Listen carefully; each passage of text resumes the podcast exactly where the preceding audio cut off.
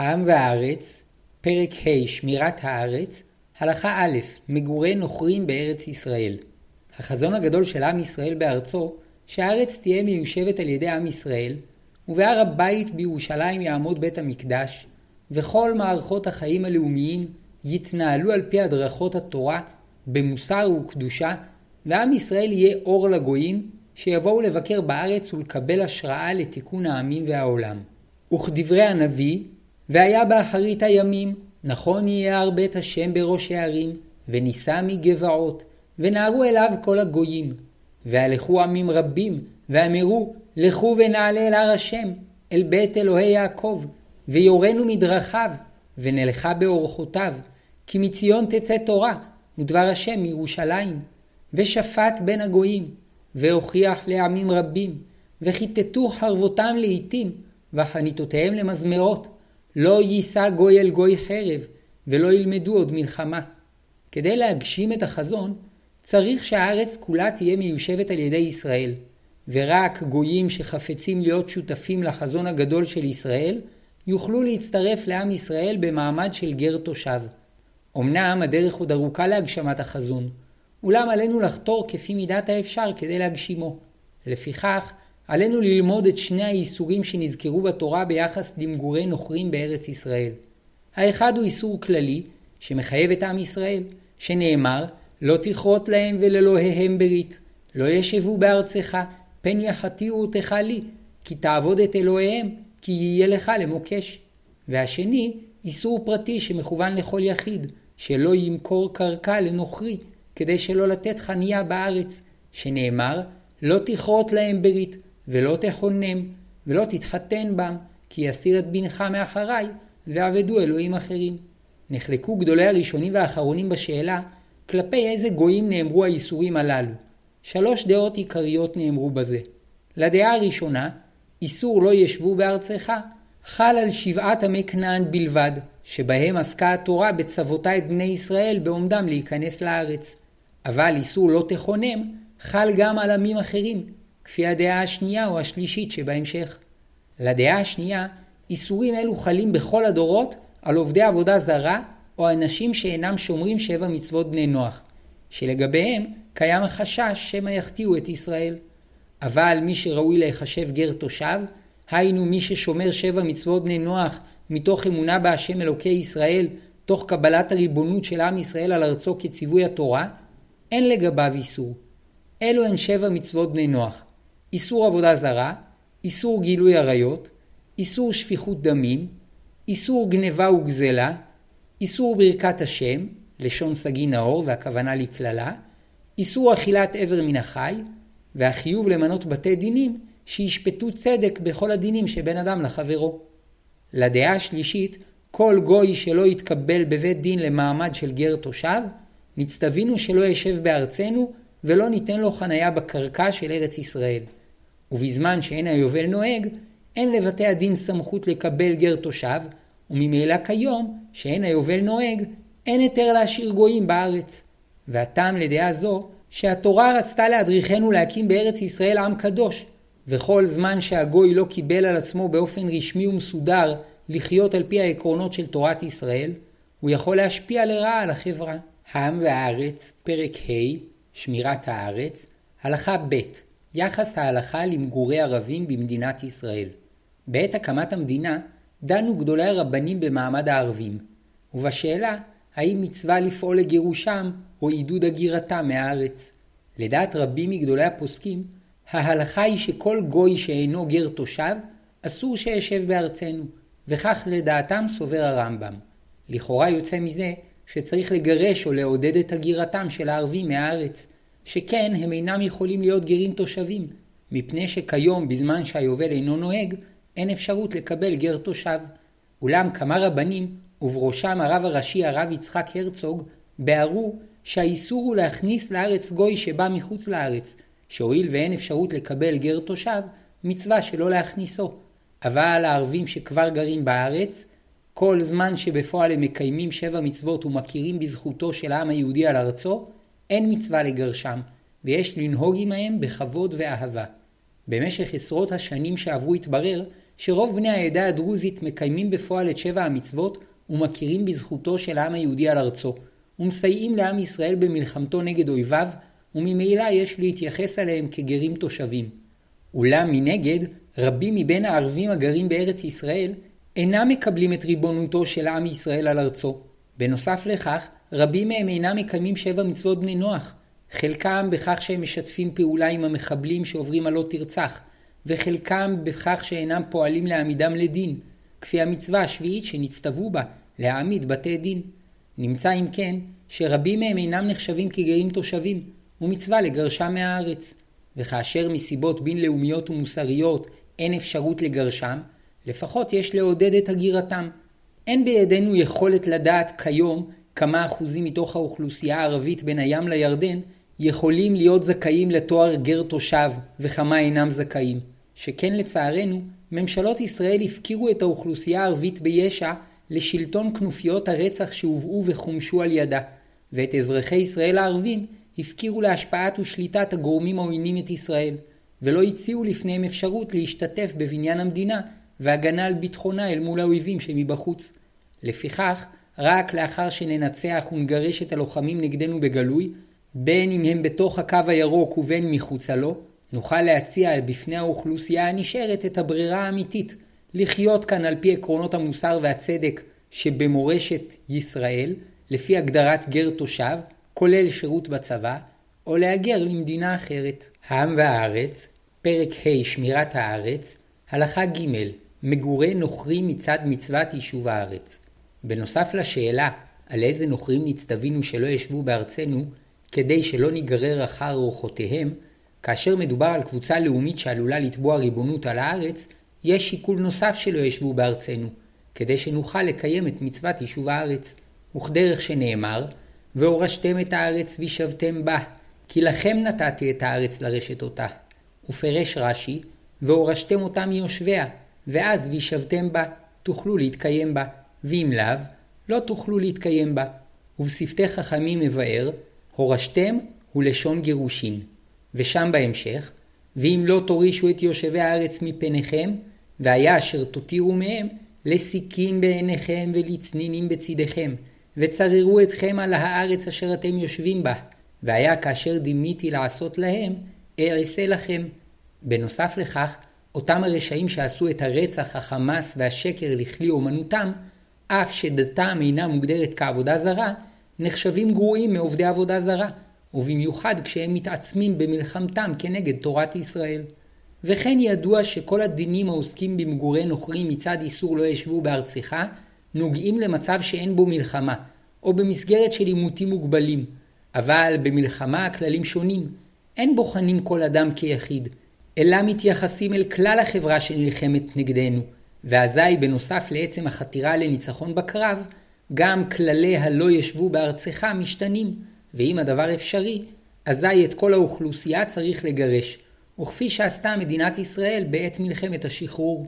ורק את אותם שידוע כי תמכו בנו בפועל, צריך להשאיר, כדוגמת רחב ומשפחתה, ביריחו. העם והארץ, פרק ה' שמירת הארץ, הלכה ד' הסיבות המונעות את קיום המצווה. מסיבות רבות איננו יכולים לגרש את הנוכרים שאינם מקבלים שבע מצוות בני נוח כפי מצוות התורה. ראשית, המצווה מחייבת אותנו בזמן שיש בידינו כוח, אבל כאשר יד הגויים תקיפה עלינו, אנו אנוסים מלקיימה. וכן מצוות יישוב הארץ אינה דורשת מאיתנו לסמוך על הנס ולהילחם לבדנו כנגד כל העולם. מסתבר שכיום, כאשר המדינות החזקות בעולם מתנגדות לכך, כל מדינה וסיבותיה, ומעמדה הביטחוני והכלכלי של מדינת ישראל תלוי בהן במידה רבה, אנו נחשבים כמי שיד הגויים תקיפה עלינו, ואין בידינו כוח לגרש מהארץ את הערבים שלוחמים נגדנו בגלוי, ובוודאי שאין בידינו כוח לגרש את משפחותיהם ואת האוכלוסייה הערבית שעוינת אותנו. מעבר לכך, גם מפני דרכי שלום, איננו יכולים לגרש את האוכלוסייה הערבית שעוינת אותנו, שכן פעולה זו תפר את השלום המקובל ביחסים בינלאומיים, ומצינו שלעיתים מתבטלים מלקיים מצוות מפני דרכי שלום. יתר על כן, בדורות האחרונים, בזכות השפעתה המוסרית של תורת ישראל, זכינו ואומות העולם קיבלו על עצמן חוקים ששומרים על זכויותיהם של מיעוטים, ומפני חילול השם, אסור לנו לגרש את הערבים שאינם בגדר גר תושב, שכן כלל הלכתי הוא שלא ייתכן שיהיה דבר שאסור לבני נוח ולישראל יהיה מותר. ואם על פי הדינים שהמתוקנים שבאומות העולם קבעו אסור לגרש בני אוכלוסיית מיעוט גם כשהם עוינים, גם עם ישראל צריך להתחשב במידת האפשר בעמדה מוסרית זו, על אחת כמה וכמה כאשר מדובר באמנות בינלאומיות מחייבות. העם והארץ, פרק ה' שמירת הארץ, הלכה ה' המדיניות הראויה למצבנו. למרות זאת, המצווה הבסיסית אודות לא ישבו בארצך ולא תכונם, לא בטלה, וחובה עלינו לחתור למציאת הדרך לקיום מצוות התורה ביחס למגורי נוכרים בארץ במסגרת התפיסה המוסרית המקובלת כיום. לשם כך, עלינו להעמיק בערכים המוסריים באופן שיובן איך קיום המצווה יוביל למצב מוסרי צודק ומתוקן עבור בני העולם כולו, ומתוך כך נמצא את הדרכים המתאימות לקיום המצווה. כפי הנראה, הדרך המתאימה להתקדם כיום אל קיום המצווה היא בקביעת מדיניות חברתית-כלכלית שתעודד הגירה בדרכי שלום של מי שאינם מזוהים עם ערכי העם היהודי. כמו כן, ייתכן שעוד נאלץ לעבור מלחמות ומשברים, ואם המטרה תהיה לנגד עינינו, נוכל לפעול לכך שהתוצאה של המלחמות והמשברים תהיה גירוש נוכרים עוינים מארצנו. אמנם בינתיים, כאשר בפועל אין יכולים לפעול לגירוש מי שאינם זכאים להיחשב גר תושב, חוזרת המצווה הבסיסית לנהוג בכבוד ואהבה לכל הבריות. שכן מגמת המצווה להקים חברה שכולה שותפה באידיאל התורה, ולא לשם שנאת זרים ופגיעה בהם. ולכן, כאשר מחמת סיבות שונות לא ניתן לקיים את המצווה, או שניתן לקיימה באופן מוגבל על ידי עידוד הגירה, המצווה הבסיסית להתייחס בכבוד ואהבה לכל אדם שאין ידוע שעמדותיו מרושעות או שהוא עוין אותנו, נשארת במקומה. בכל אופן, מציאת פתרון עמוק לקיום המצווה ואתגרי הזהות והביטחון של מדינת ישראל, תביא רפואה וברכה למדינות רבות שמתמודדות עם בעיות דומות. העם והארץ, ה. הלכה ו' סיכום קצר של יסודות איסור נסיגה. אסור לתת שטח משטחי ארץ ישראל לנוכרים, ואפילו נתינה של רגב אדמה אחד אסור, וכמה איסורים כרוכים בכך. א', מצוות יישוב הארץ, מצווה עלינו לכבוש את הארץ, שנאמר, והורשתם את הארץ וישבתם בה, כי לכם נתתי את הארץ לרשת אותה. ועוד נאמר, כי אתם העוברים את הירדן לבוא לרשת את הארץ אשר השם אלוקיכם נותן לכם, וירשתם אותה וישבתם בה. וכפי שכתב הרמב"ן, בהוספות למצוות עשה ד', שמצווה זו קיימת בכל הזמנים, וכן נפסק בשולחן ערוך, וכתב בפתחי תשובה שכן הסכמת כל הפוסקים. ומבואר שמצוות יישוב הארץ דוחה אף פיקוח נפש של יחידים, שהרי על פי התורה הננו מצווים לכבוש את הארץ, ואין מלחמה ללא הרוגים, מכאן שביחס למצוות יישוב הארץ, אין מתחשבים בפיקוח נפש של יחידים. ואם מצווים אנו לכבוש את הארץ, קל וחומר שאין לוותר על חלקים ממנה. ב. סכנת נפשות. על פי המבואר בתלמוד, וכפי שנפסק בשולחן ערוך, בכל ויתור, ואפילו קטן, לאויב, יש סיכון, הואיל והוא מתמרץ את האויב להמשיך לתקוף. ועל כן הורו לחלל שבת ולסכן נפשות, כדי ללחום באויבים שבאו לגנוב קש ותבן מיישוב הסמוך לגבול, משום שאם נוותר להם על קש ותבן, כוח ההרתעה שלנו ייפגע, ויבואו לכבוש יישובים ולהרוג נפשות. וקל וחומר שאין לוותר לאויב על יישובים שלמים. ג. לא ישבו בארצך. בנוסף למצווה הכללית לרשת את הארץ, צוותה התורה לא ישבו בארצך. ופסק הרמב"ם שבעת שידנו תקיפה, אין להניח למי שאינו גר תושב לשבת בארצנו, אלא שנחלקו הפוסקים על מי בדיוק חל האיסור.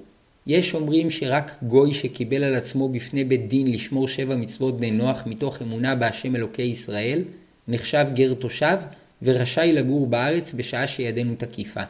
ויש אומרים שגם אם הגוי לא קיבל על עצמו במפורש בפני בית דין להיות גר תושב, אם בפועל הוא אינו עובד עבודה זרה ומקיים שבע מצוות בני נוח, אין איסור שיגור בארץ ישראל.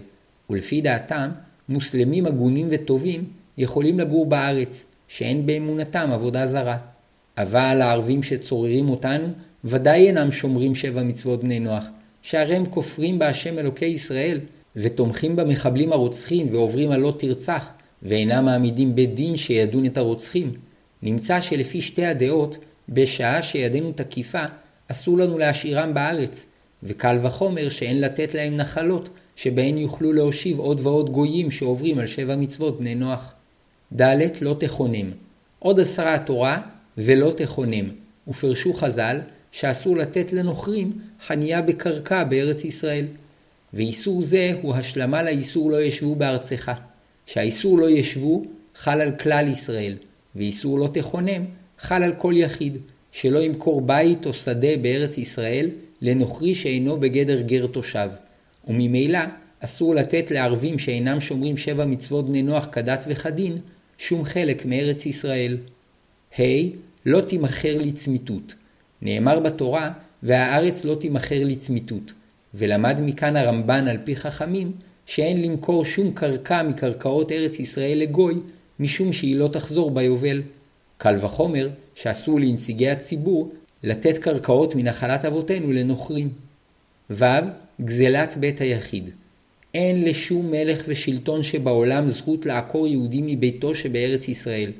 משום שהקדוש ברוך הוא הנחיל את הארץ לישראל, ולכל יהודי חלק בארץ, ולשום שלטון אין סמכות לגזול את נחלתו, ולעוקרו מביתו שקנה או בנה כחוק. לכן כל הסכם שמבוסס על עקירת יהודי מביתו, אסור. ז.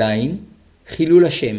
כאשר הנסיגה באה בכפייה מצד האומות, הרי שאם נסכים לוותר על הארץ שהקדוש ברוך הוא הנחיל לאבותינו ולנו, יש בכך חילול השם, ומצווה לקדש את השם ולהתנגד לכל כפייה כנגד דת.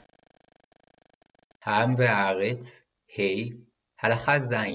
איסור ויתור לשונאים מחמת סכנת נפשות. יסוד חשוב לאיסור הנסיגה מחלקי ארץ ישראל מובא בתלמוד בסוגיה העוסקת בדיני שבת ופיקוח נפש. כידוע, מותר לחלל שבת לצורך פיקוח נפש, אבל אסור לחלל שבת לשם הצלת ממון. ולכן אמרו חכמים שאם באו גויים לגנוב ממון מעיירות ישראל, אסור לחלל שבת ולצאת נגדם עם כלי נשק כדי להבריחם.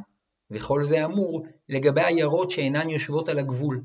אבל אם באו הגויים לגנוב אפילו דבר מועט, כמו תבן וקש, מיישובים הסמוכים לגבול, אזי צריך לחלל את השבת, לסכן נפשות ולצאת נגדם בכלי נשק כדי להציל את התבן והקש.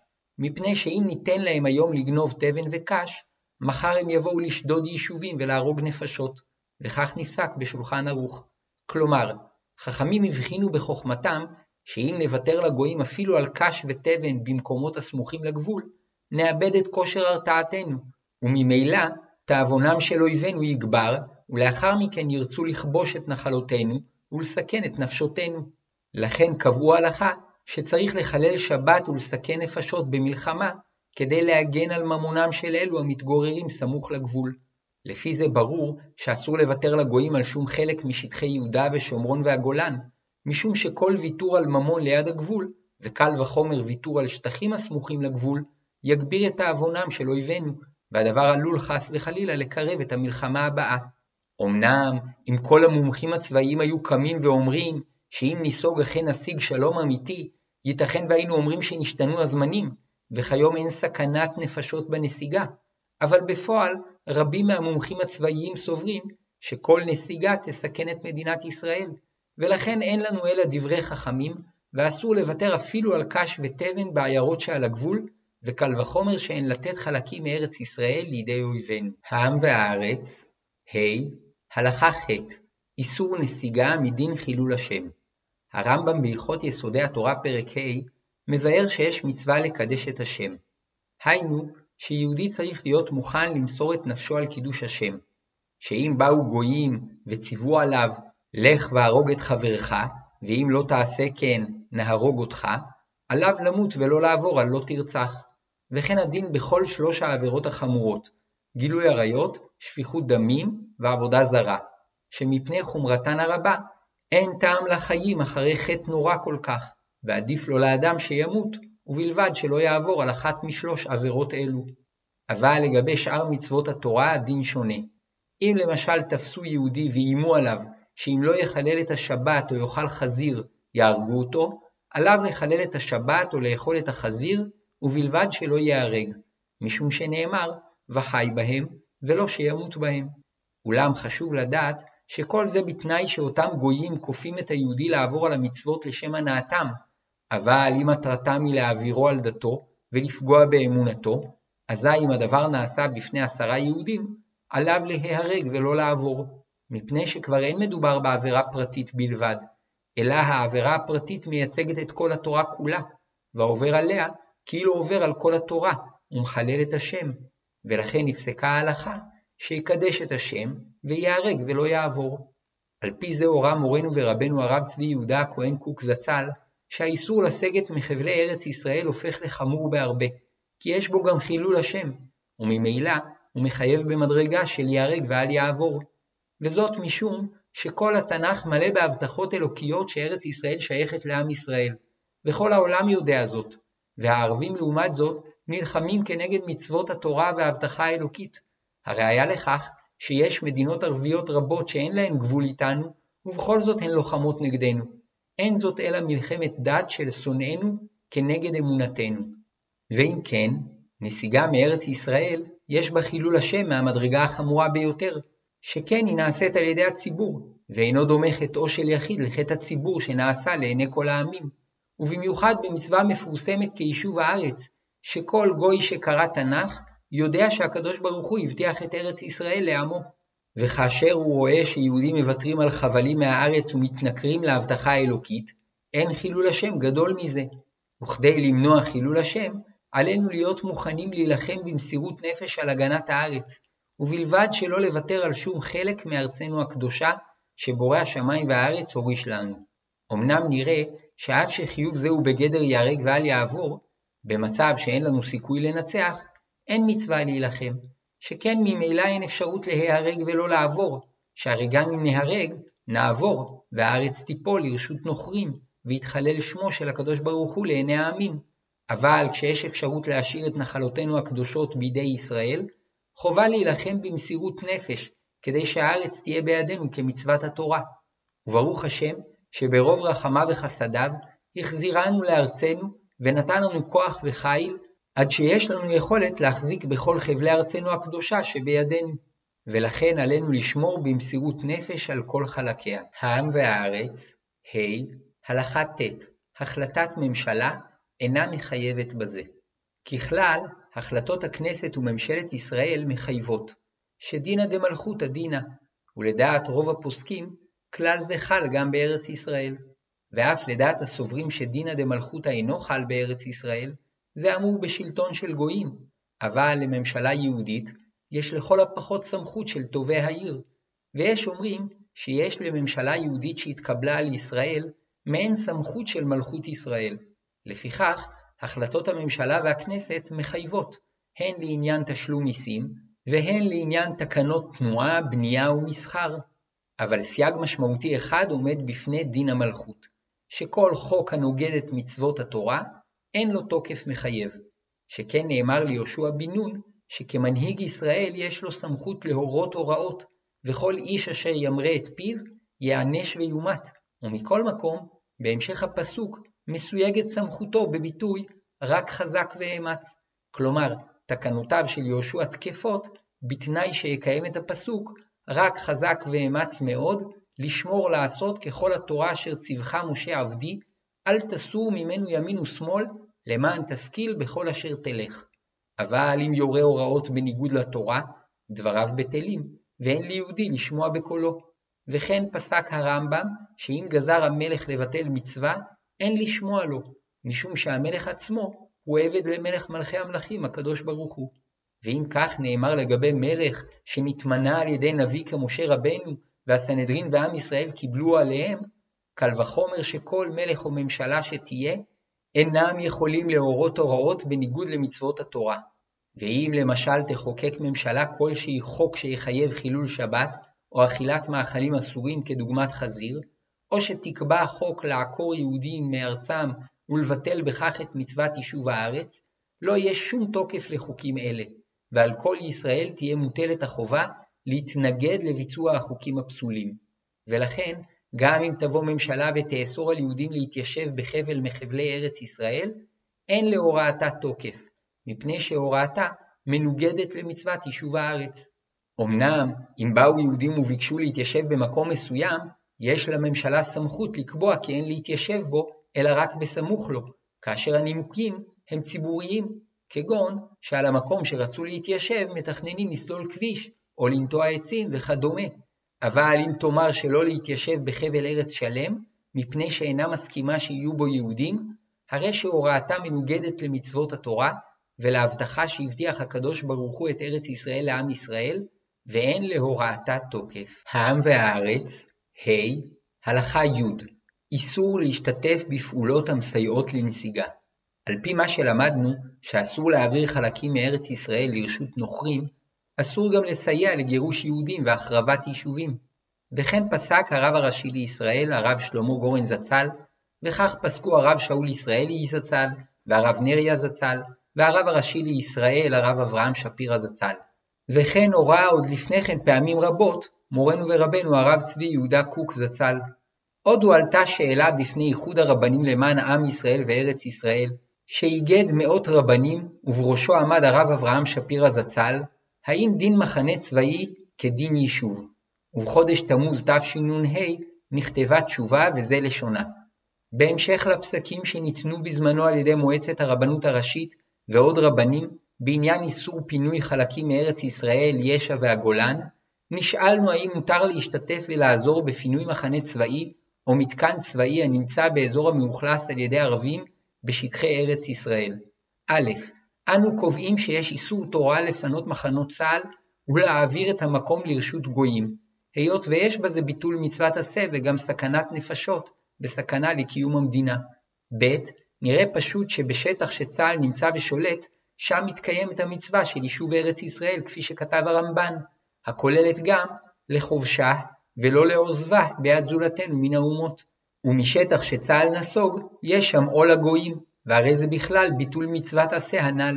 בנוסף לכך, יש בזה כיום משום סיכון נפשות מישראל, וגם סכנה לקיום המדינה, ויש בזה עניין של לא תעמוד על דם רעך. ג. גם מחנה צבאי קבוע הוא עצמו יישוב יהודי לכל דבר, עקירתו ועזיבתו ביד גויים, הרי הוא בכלל עקירת יישוב מארץ ישראל האסור לפי הדין. ד. ועל כן במענה לשאלה, ברור ופשוט שאסור לכל יהודי לקחת חלק בכל מעשה של סיוע לפינוי יישוב, מחנה או מתקן, וכפי שנפסק ברמב"ם, שגם אם המלך ציווה לעבור על דברי תורה, אין שומעין לו. העם והארץ, ה. הלכה י"א האיסור קיים גם כשהסירוב לא ימנע נסיגה. גם כאשר ברור לחייל שאם הוא יסרב להשתתף בנסיגה וגירוש יהודים, יהיו חיילים אחרים שיבצעו את הנסיגה ויגרשו יהודים, אסור לחייל לבצע פקודה זו. שכן, גם כאשר המצב הכללי מקולקל, אין שום היתר ליחיד להיות שותף לחטאים שהציבור מבצע, וכל אדם שיגרש במו ידיו יהודים מביתם, ייעשה שותף לכמה וכמה איסורים חמורים מן התורה.